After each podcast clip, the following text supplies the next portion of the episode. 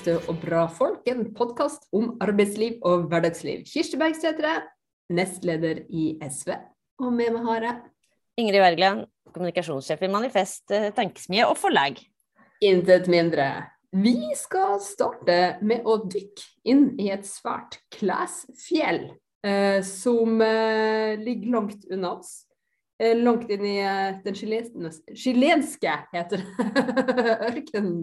Eh, og som noen kanskje har sett bilder av på, på TV eller i nyhetene.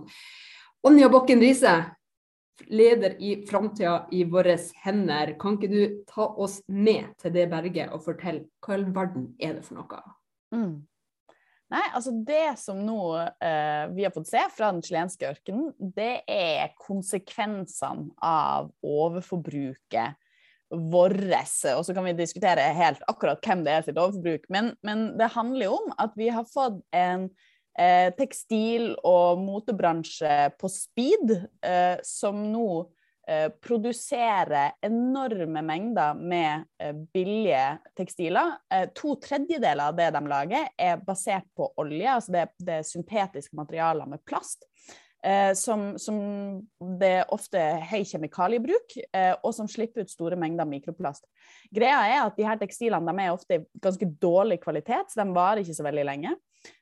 og, og når vi, sant, vi forbrukere i de vestlige landene eh, får alle de klærne. Eh, vi blir lei av dem fort, og det spys jo på med nye klær hele tida i butikkene når vi blir oppfordra til å kjøpe mer. Så da kvitter vi oss med, med store mengder klær. Eh, en gjennomsnittlig nordmann kaster 24 kg med tekstiler i løpet av et år. 24 kilo. Det er ganske mye klær. Men, og, og, sånn er det ikke bare i Norge, men i, i veldig mange, særlig vestlige land.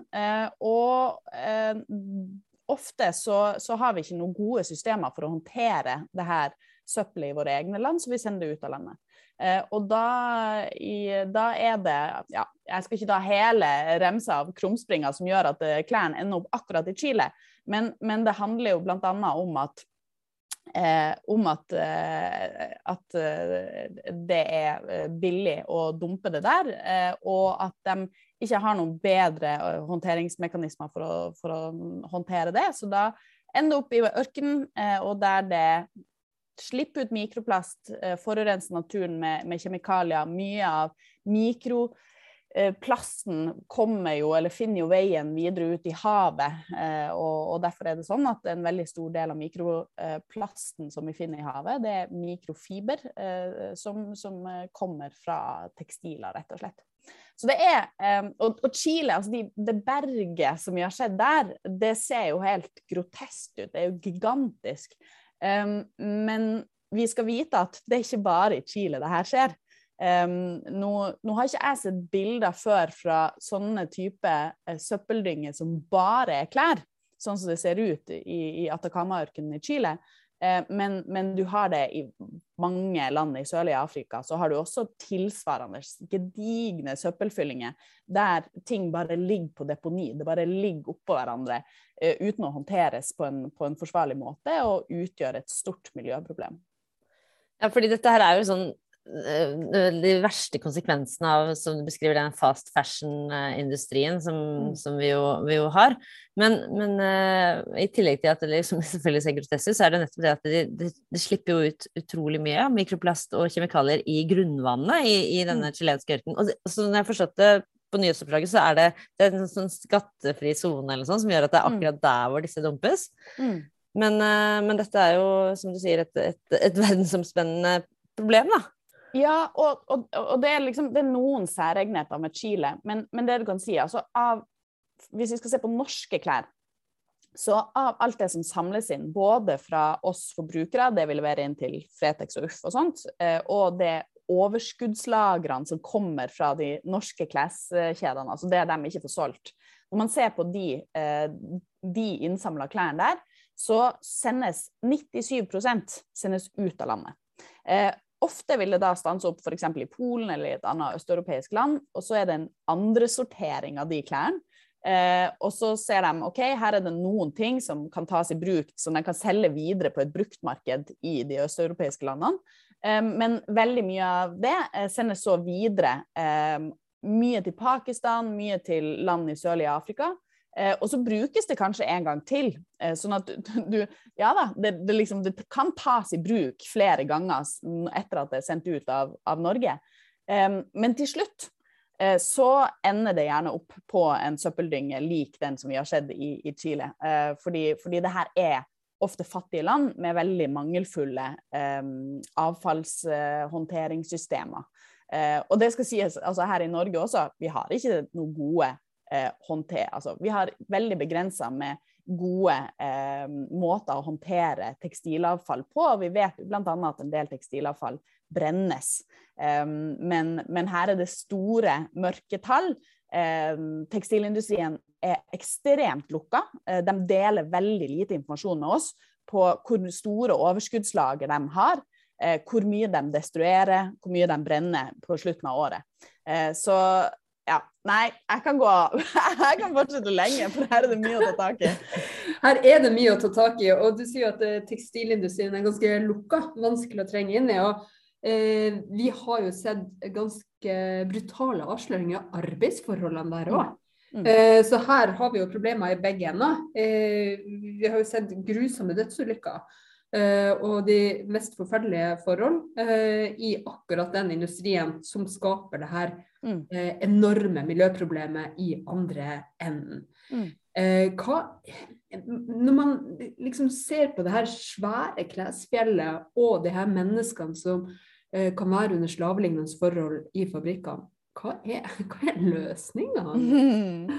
Oh, stort og godt og viktig spørsmål. Altså, men, men, det jeg vil bare si først, fordi du peker på noe veldig viktig, eh, nemlig eh, koblinga mellom dårlige arbeidsforhold, lave lønninger. Eh, Ofte tenker vi på det og arbeid og, og faglige rettigheter som én ting, og så tenker vi på miljøkonsekvenser som, som en annen ting. ikke sant? Eh, men, men de her tingene henger sammen. fordi at det at eh, man eh, bruker disse relativt sett billige, syntetiske, oljebaserte materialene, dårlig kvalitet på klærne eh, og lave lønninger, dårlige arbeidsforhold, det er med på å presse ned prisene eh, på klærne. Og er en direkte årsak til det her massive overforbruket. Altså det muliggjør vårt overforbruk av klær fordi at det er med på å holde prisene nede. Så jeg tenker at Det er også et veldig viktig ja, en veldig viktig del av denne saken som vi, vi, må ta med oss og huske på at vi må se de to tingene i sammenheng. Mm. Uh, så, så, derfor tenker jeg at til spørsmålet ditt, løsninga er å gjøre noe med begge deler. Altså, På den ene sida så kan du si at um, altså det skal faktisk ikke så mye til. Det, det er ikke så, uh, så stor økning i lønninger vi snakker om uh, til disse tekstilarbeiderne. Um, uh, altså For oss så er det altså, det er en muselort i altså det, det, det er snakk om så altså, altså, Vi snakker kroner, uh, for ikke å si øre, ikke sant, uh, per plagg. som ville ha hatt enormt mye å si for tekstilarbeidere som jeg har møtt i, i Bangladesh f.eks. Da, da jeg var der for noen år siden. Så, så, men økte lønninger så få opp prisen, sørg for bedre sikkerhet på fabrikkene. Vi snakker om banale ting som å skilte nødutganger. Eh, da jeg var i Bangladesh for noen år siden, så, så hadde vi bl.a. med et sånt exit-skilt. Altså sånne skilt vi er vant med å se over nødutganger for å, hvis det skulle bryte ut en brann og eh, det mørklegges og vi må finne ut hvor vi skal komme oss ut, så vet vi hva vi skal se etter. Det, det, det husker jeg at vi hadde brannmenn i barnehagen som lærte oss hva vi skulle se etter. Eh, da vi viste disse skiltene til tekstilarbeidere i Bangladesh, så hadde de aldri sett det før. De var ikke kjent med det. Eh, de mangla eh, brannslukningsapparat på fabrikkene. Eh, de hadde ikke en, en HMS-ansvarlig, og også andre ting som at de Altså det, det var begrensa hvor mye du kunne få gå på do. Og, og, vi skal huske at her er det altså det store flertallet av tekstilarbeidere er kvinner, som, som, ofte har et ekstra behov for gode hygieniske fasiliteter. Og, og liksom, alle sånne typer ting. Det må på plass. Så på den ene sida så har vi alt det med liksom arbeiderrettigheter og faglige rettigheter. Og på den andre sida så må vi eh, vi må eh, på en helt annen måte enn vi gjør nå, så må vi designe ting som er skapt for å vare. Eh, og det betyr både at vi må lage klær i eh, materialer som er varig, um, som er lagd for å kunne repareres. Eh, og når vi har brukt det så lenge vi bare kan og har reparert og sydd om og fiksa og alt det der, og til slutt eh, så, så, så, kan det ikke brukes lenger, så, eh, må, vi, eh, så må vi ha designa det på en måte sånn at vi kan resirkulere mest mulig. Skal vi vite at resirkulering er ingen quick fix, det krever også mye energi. Um, så, så, resirkulering er liksom ganske langt ned i hierarkiet av ting du skal gjøre. Men til slutt så kommer vi der, og så, så må vi kunne resirkulere. Eh, og så må vi ha verdikjeder eh, for å ta i bruk f.eks. Eh, når vi kommer dit at noe blir til avfall, så noe av disse tekstilene blir til tekstilavfall, så må vi ha verdikjeder der vi kan ta i bruk det som isolasjonsmateriale f.eks. i hus eh, eller andre ting. Men da, hvis det skal være isolasjonsmateriale i hus, så det ikke, bør det ikke være plastbaserte tekstiler. Da bør det være naturmaterialer. Så vi må tenke fra vugge til grav eh, hele veien. Eh, og det, det, her gjelder jo ikke bare kles- og, tekstilbransjen, det gjelder jo alle bransjer framover når vi skal få en mer sirkulær økonomi. Men, men det er kanskje spesielt tydelig eh, i, i denne bransjen, der det er så mye som mangler og som ikke er på plass. Det er jo ganske rått å, å høre om, om, det du beskriver fra, fra Bangladesh. og det har jo, Jeg har jo sett at dere har jo hatt noen kampanjer i Fremtiden vår hender som har vært sånn eh, Eller om dere har spurt folk sånn er du villig til å betale fem kroner mer for dette plagget? ikke sant, Og, og, og vist deg konsekvensene hvor, hvor, hvor, mye, hvor, mye, bedre noen, noen, menneskers liv ville blitt i Bangladesh eh, hvis man hadde betalt det mm. eh, på Hense Maurits eller Sara f.eks. Men så vet vi jo da, i dette kapitalistiske systemet vi har her i verden, eh, at det er jo helt Det er jo, det er jo ikke sånn det fungerer heller. Altså, vi hadde mm, for et uh, par episoder siden eh, besøk av attakkleder uh, Hege Skarre, som, som, og da snakket vi mye om, om global ulikhet og om ekstremrike, ikke sant. Altså, de mm. rikeste i verden er jo er det ikke han eh, Sara-sjefen som er den aller, per nå er den aller rikeste? ikke sant? Sånn at det, det er jo ikke sånn at, det, det er ikke sånn at pengene i Sara-systemet ikke fins, liksom at de er nødt til å selge disse plaggene mm. for til slutt 29 kroner og sånn. Mm. Um, sånn at hva tenker, du, hva, hva tenker du man må gjøre for å liksom ja, få en omfordeling også i det eh, mm. tekstilsystemet. Da. For det er jo liksom Det er jo på mange måter liksom ekstremversjonen av hvordan, hvordan, kapitalismen fungerer, med liksom sin enorme utbytting, eh, oppbruking av naturressurser, øking av forskjeller osv. Mm. Ja, det er virkelig det. Det, det er et av de tydeligste altså, det, det, det, var egentlig, det var akkurat det jeg tenkte da jeg var i Bangladesh og da, da, når jeg dypdykka ned i tekstilbransjen. Det er akkurat det jeg tenker at her ser du på en måte den eh, her ser du de, de, de verste konsekvensene eh, av den eh, helt sånn frie, uregulerte kapitalismen. Men, men jeg, må, jeg, må, bare ta opp, fordi at for noen år siden, så så, altså i 2016 så så vi i Framtiden vår hender, vi så på hva styreformannen for Hense Maurits, Stefan Peterson, vi så på hva han tjente, og så målte vi det opp mot en, en bangladeshisk syerske. Uh, vi så at han tjente over 52 000 kroner i minuttet. 52 000 kroner i minuttet tjente Stefan Persson i 2016. Eh, til sammenligning så tjente mange tekstilarbeidere i Bangladesh fem øre per minutt. Det, altså det, er bare sånn, det er sånn, helt sånn grov utbytting av mennesker. Så eh, jeg har sånn cirka null tro på at denne bransjen kommer til å gå inn og, og rydde opp i det her sjøl. Eh, så jeg mener jo at vi trenger politisk regulering. Eh, og, og da er det igjen sannsynligvis ikke noe uh, quick fix. Men jeg ser jo at at f.eks. altså World Inequality Lab, som bl.a. han Piketty og en som heter Chancel står Man uttaler det sikkert på en helt annen måte, men, men Chancel Nei, men jeg ser at de Nordnorsk er Chancel. Chancel. Nei, men, men, jeg ser altså de, de går inn og, og, og ser på OK, eh, altså både så er de jo De mener at de skal ha mye mer progressiv skattlegging av de rikeste. Eh, og, og det, det, gir mening også, fordi, også fra et miljøperspektiv. altså Vi ser på det enorme miljøbelastninga og klimautslippene som følger med de aller rikeste i verden. Det blir veldig mye privatfly og sånn. Det er veldig mye privatfly. Eh, og det er veldig mye store hytter og store hus og feriehus og altså sånn ja, um, det, det, er en, en, en, sak for seg selv. Men, um, men så, så, både mye mer progressiv, høyere skattlegging av de aller rikeste, uh, og uh, de ser også på å se på uh, altså, aksje, altså se på hvordan man kan regulere aksjebeholdning, formuesskatt osv. Så, videre.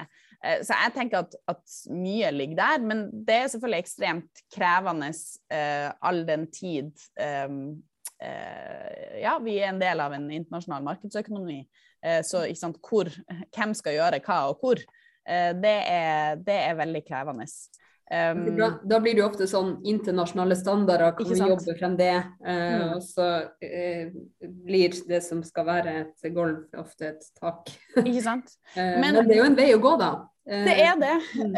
Og, um, og, vi kan også, altså sånn som vi i Framtiden våre hender har jobba veldig mye for å få på plass det som kalles sikkerhetsavtalen for Bangladesh, der man nå ser på utviden for, for, flere, for flere land. Eh, og da har vi egentlig på en måte sneket oss rundt eh, en del eh, barrierer. sånn at eh, vi har ansvarliggjort altså det her kom i kjølvannet av Rana Plaza-tragedien, der eh, over 1100 tekstilarbeidere døde etter at en, eh, en fabrikk, Rana Plaza, tekstilfabrikk, eh, kollapsa. Og, og, da har vi gått inn og ansvarliggjort selskapene, og, og egentlig fått dem med på en rekke eh, kriterier for egentlig å, å, sikre og trygge fabrikkene som de eh, produserer på i, i, da i Bangladesh. Men som sagt så ser vi nå på om den kan utvides til flere land. Uh, og, det, det, vi har fått til der, jeg skal ikke ta hele remsa, men, men, i løpet av noen få år så ser vi at over to millioner tekstilarbeidere i Bangladesh går til en tryggere arbeidshverdag enn det de gjorde for få år siden. Det er ikke sånn at det ikke oppstår uh, ulykker lenger, uh, eller jeg vet ikke om man skal kalle det ulykker når det er såpass altså Det er jo spekulativt, eh, tenker jeg, å ikke investere mer i, i sikkerheten til, til, arbeiderne. Men, men um, over, over, flere år da, eh, så har vi sett at den går til en, en, en tryggere arbeidshverdag. Eh, færre dødsulykker, færre branner osv. Så, um, så, så man kan gjøre noe der. Eh, man kan også få på plass, og det, nå skal EU komme med en, en tekstilstrategi snart, som jeg har litt sånn halvveis forventninger til. Eh, men eh, eh, hvis europeiske land gikk inn og stilte mye strengere krav til kvaliteten i plaggene som vi importerer, eller tekstilene som vi importerer hit, så kunne man også altså da, da må også eh, klesselskapene, tekstilselskapene, de må ansvarliggjøres på en annen måte og gå inn og se noe på hvordan de produserer ting.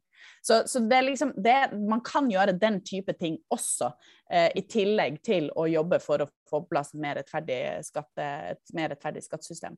Mm. Jeg husker i, i, Sosialistisk Ungdom så hadde vi et slagord som het 'miljøkamp er klassekamp'. Mm. Eh, og jeg syns jo at beskrivelsen av hele tekstil, eh, overforbruket, Eh, den, eh, den, helt sånn groteske eh, utnyttelsen av, mm. av arbeidsfolk og det at man markedet bare for underlegge mennesker og miljø sine interesser mm. totalt. Mm. Eh, aktualiserer jo et sånt eh, type eh, slagord. Men, men, men det, er jo, det, er jo, ofte en diskusjon da, om vi kan om vi må endre systemet, eller om vi kan eh, gjennom måten vi lever på, eh, mm. gjøre store nok endringer for at det faktisk betyr noe. Mm. Eh, og jeg vet at du, Anja, eh, er så opptatt av bærekraft at du har skrevet en bok eh, som man kan bære rundt på. Ja. Om man har kraft til å bære? Nei. Ja. Altså, um, ja, jeg, i, i, fjor høst uh, så ga jeg ut en bok som heter 'Mitt klimaregnskap'. Et forsøk på å leve bærekraftig og løsningene vi trenger. Uh, og, og, grunnen til at jeg skrev den boka, var fordi at jeg uh, som leder av Framtiden våre hender, så, så, blir jeg veldig ofte møtt av folk som lurer på hva de kan gjøre. Liksom, mm. Skal jeg velge kaffe eller te? hva er mest bærekraftig? Liksom, alle de der små praktiske tingene man lurer på, til det litt sånn store spørsmålet er det mulig for en nordmann å leve bærekraftig? Eh, går det an? Når eh, er man i så fall? Når kan du si at ja, nå lever jeg bærekraftig?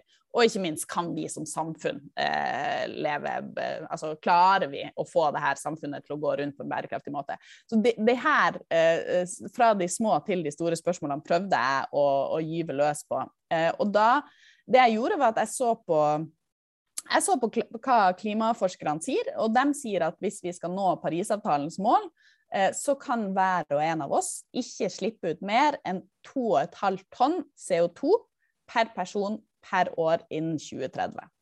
Det er jo et sånt tall som ikke betyr noe for noen. det gjorde ikke det for meg heller.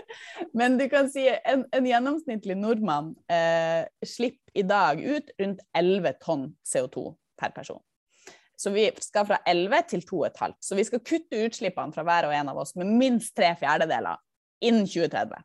Det blir veldig abstrakt veldig abstrakt, og det er derfor så jeg har eh, gått eh, Det som er veldig interessant med en gang du begynner å gjøre et sånt klimaregnskap som jeg gjorde, for det jeg gjorde var at jeg begynte å føre altså prøve å finne ut av hva er klimautslippene fra hva jeg spiser, eh, hvordan jeg transporterer meg, eh, hva jeg handler, klærne jeg kjøper, osv. Ja, fordi jeg eh, har en, en venn som skulle slanke seg, og det hadde en app hvor han skulle skrive ja. opp alt han spiste, for å se hvor mye kalorier han da forbrukte hver dag. Så dette er liksom litt det samme bare på CO2, da? Det er litt det samme. Og det, det, var jo noe av det jeg skjønte underveis, at det her er jo egentlig helt grusomt. Jeg vil ikke anbefale noen andre å gjøre det. Det har litt sånne der slanketendenser. Altså, jeg, jeg, fikk litt den samme vibben når jeg aldri drevet på med sånn kalorier og sånn. Det prøver jeg jeg holdt på å si det prøver jeg å holde meg unna, eller det er kanskje det motsatte jeg gjør.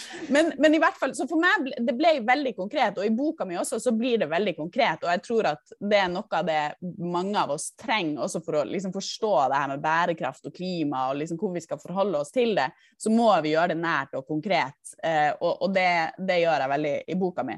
Men, men, men i hvert fall, da, eh, så eh, Hva skal jeg si? Jeg har veldig troa på at vi som enkeltmennesker kan gjøre veldig mye. Eh, og vi, er, vi, mennesker er flokkdyr. Eh, vi lar oss påvirke av hverandre stadig vekk.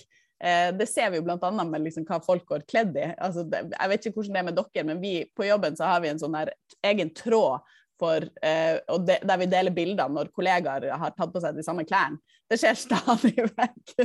Altså at man har likens klær på? Ja. og det er, altså, hvis, hvis du ser, ser, rundt deg i gatebilder altså, vi, vi, ser veldig like ut, og det handler om at vi lar oss eh, vi, vi, vi, liker, vi vil høre til flokken, så vi gjør sånn som de andre. Og, og sånn er det jo med mange av valgene vi tar knytta til miljøet også. Så jeg, på, på den ene sida så tenker jeg ja, vi mennesker har en stor påvirkningskraft vi, på andre, og vi kan gjøre Vi har et ansvar, så vi skal ta et ansvar for vårt eget liv.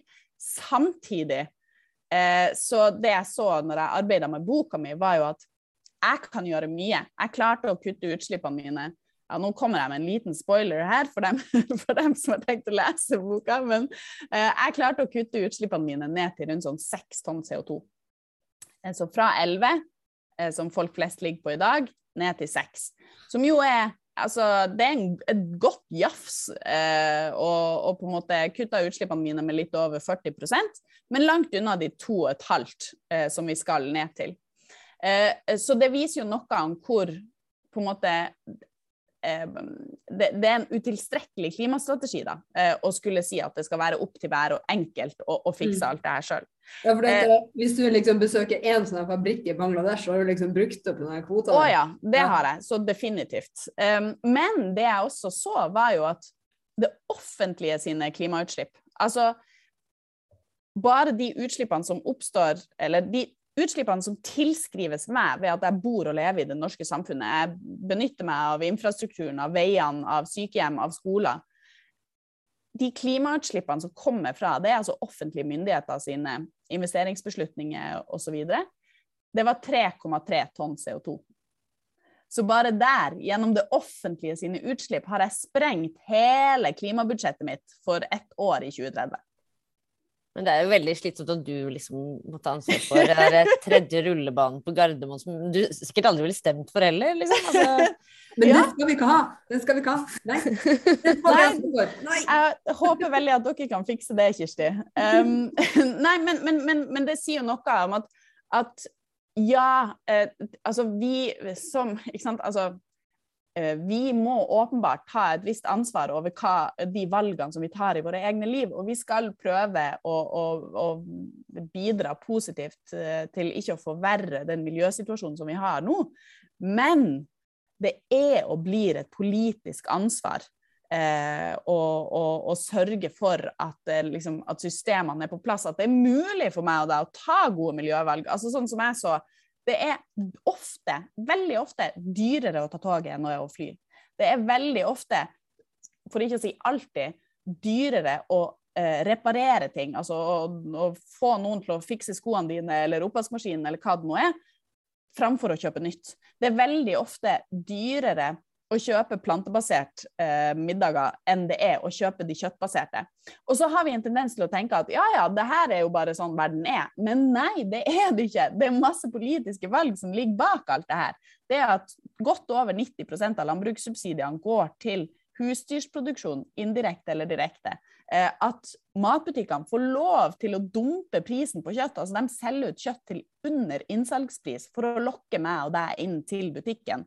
Um, eller det at eh, vi, ikke, vi, vi ikke har ilagt disse uh, varene som vi importerer til Norge, at vi ikke har ilagt dem noen form for miljøavgift. Eh, eller at du har arbeidere som jobber for luselønn eh, i land langt borte. Eh, mens vi velger å ikke f.eks. gjøre noe med, med, momsen på reparasjoner og andre ting som, som vi kunne ha gjort her i Norge. Altså, det ligger masse politiske valg bak de strukturene som opprettholder et, et forurensende forbruk.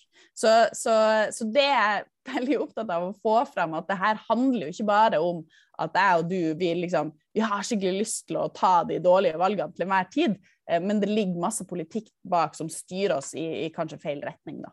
Mm. Men uh, hvis man har lyst til å gjøre det man kan, da, uten å gå rundt og telle verken kalorier eller sånn utslipp, uh, men bare har lyst til å eh, gjøre det man kan uh, for å eh, leve mest mulig miljøvennlig, hva, hva, er de tre viktigste grepene man kan gjøre da? Mm. Altså, eh, vi har jo litt forskjellige eh, utslipp. Eh, altså det, det, det, viktigste du kan gjøre, er å redusere inntekten din. Nei da. Jo, det, altså det er faktisk et én-til-én-forhold. Men det er jo man som opp i inntekt. Det er, jo, Nei, eh, det er et én-til-én-forhold mellom hvor mye penger du tjener og hvor mye du slipper ut. Sånn at, eh, så et skikkelig godt miljøtiltak er at de rikeste skal tjene litt mindre. Men, det er jo greit. Skattlegg de rike, men løft i bånn. Ikke sant. Ja. Um, men, um, men så bortsett fra det Nei, um, for, for, mange eh, så er flyreiser noe av det mest eh, det, det, som medfører høyest klimautslipp. Så er det en god del nordmenn som ikke flyr noe særlig. Men, men for de, de, av oss som, som, flyr, så er det å kutte ned på flyreiser noe av det viktigste man kan gjøre. Eh, også for mange, eh, hvis man spiser veldig mye kjøtt eh, i hverdagen, eh, så å, å, redusere kjøttforbruket noe. Um, så, og det kan jo handle om å, altså, å, gå fra fire til å gå til to kjøttmiddager i uka, uh, f.eks. Uh, det, det har en veldig stor effekt. Uh, for mange så vil også bilreiser um, i, i, hverdagen uh, være altså, Og det er noe av det interessante som jeg så da jeg jobba med boka mi, at det, alle de her tilsynelatende små tingene, men som vi gjør ofte, summen av dem eh, medfører et stort klimaavtrykk. Så for eksempel, en, sant, bilreisen din til og fra jobb er jo ikke i seg selv, har ikke i seg sjøl så høye utslipp, men fordi at du gjør det 365 gang, dager i år, eh, ja, kanskje ikke fullt så ofte, men du gjør det to ganger om dagen, eh, fem dager i uka, eh, og så kjører du kanskje til og fra butikken og til og fra noen fritidsaktiviteter. For veldig mange nordmenn så gjør det at, at transportutslippene er, er, de største som de har. Um, vi må så. redusere transportutslipp gjennom å reise kollektivt, og så må vi spise litt mer planter. Mm. Og kanskje eh, ikke kjøpe så mye klær. Definitivt. Definitivt. For veldig mange så vil det ha mye å si. Anja, jeg tipper at du aldri har vært tekstilarbeider, men jeg lurer veldig på hva var din første jobb? Du, det er veldig morsomt. Altså, og da må jeg bare si at min andre jobb, som jeg var veldig stolt av, og som jeg hadde i veldig mange år, det var å jobbe på en Smøritz. Men min første jobb Adermord! ja. Eh, min første jobb eh, min første betalte jobb, eh, det var som nissekone og reinsdyr i Putti Pluttipott. Oi! I, i sånn TV-produksjon? Nei, altså Putti Pluttipott er jo uh, det, det, var veldig stort. Det var jo sånn, Man måtte gå på audition og sånn. De, de, reiser jo rundt i hele landet og har sånne forestillinger, juleforestillinger. Uh, så på Tromsø kulturhus før uh, hver jul så var, putti, plutti, var det Putti Pluttipott-forestilling. Og jeg jeg dro på audition og steppa og sang eh, og Kan du steppe? jeg, jeg, tror faktisk jeg kan den steppen fortsatt. Fantastisk. Hadde du sånne sko med klikk, klikk, klikk på? Ja, ja, åpenbart. åpenbart. Og reinsdyrhorn på, på, hodet. Og, wow. Altså, dette er på julebord hvert år i Framtiden vår, Lennart, så er det remake. Jeg har ikke snakka så høyt om det til nå, så vi Nei, får men se. Dette, her, dette kommer til å Forventningene stiger. Forventningene stiger. Det her blir kjempebra. Det blir fest på julebordet. Eh, men det høres ut som en rolle man vokser ut av. Eh, ja, altså, det skal sies at Jeg var jo med en del år, eh, og jeg ble etter hvert instruktør. Og, så jeg tror jeg gikk opp fra 500 kroner til 750 kroner. eller noe sånt. Det var, det var, det var så stas. Men, men, ja, etter hvert måtte jeg gi meg. Ja, dette her er jo en kjempe gullgruve for, for deg oppe i Tromsø. Ja, det var en uh, vakker historie. Mm. Adrian, takk for at du kom til oss, eh, for at du delte av din eh, klokskap og engasjement, og avslørte at tidenes julebord for alle i fremtiden i våre hender, det er i vente. Tusen takk for meg. Takk for en god prat.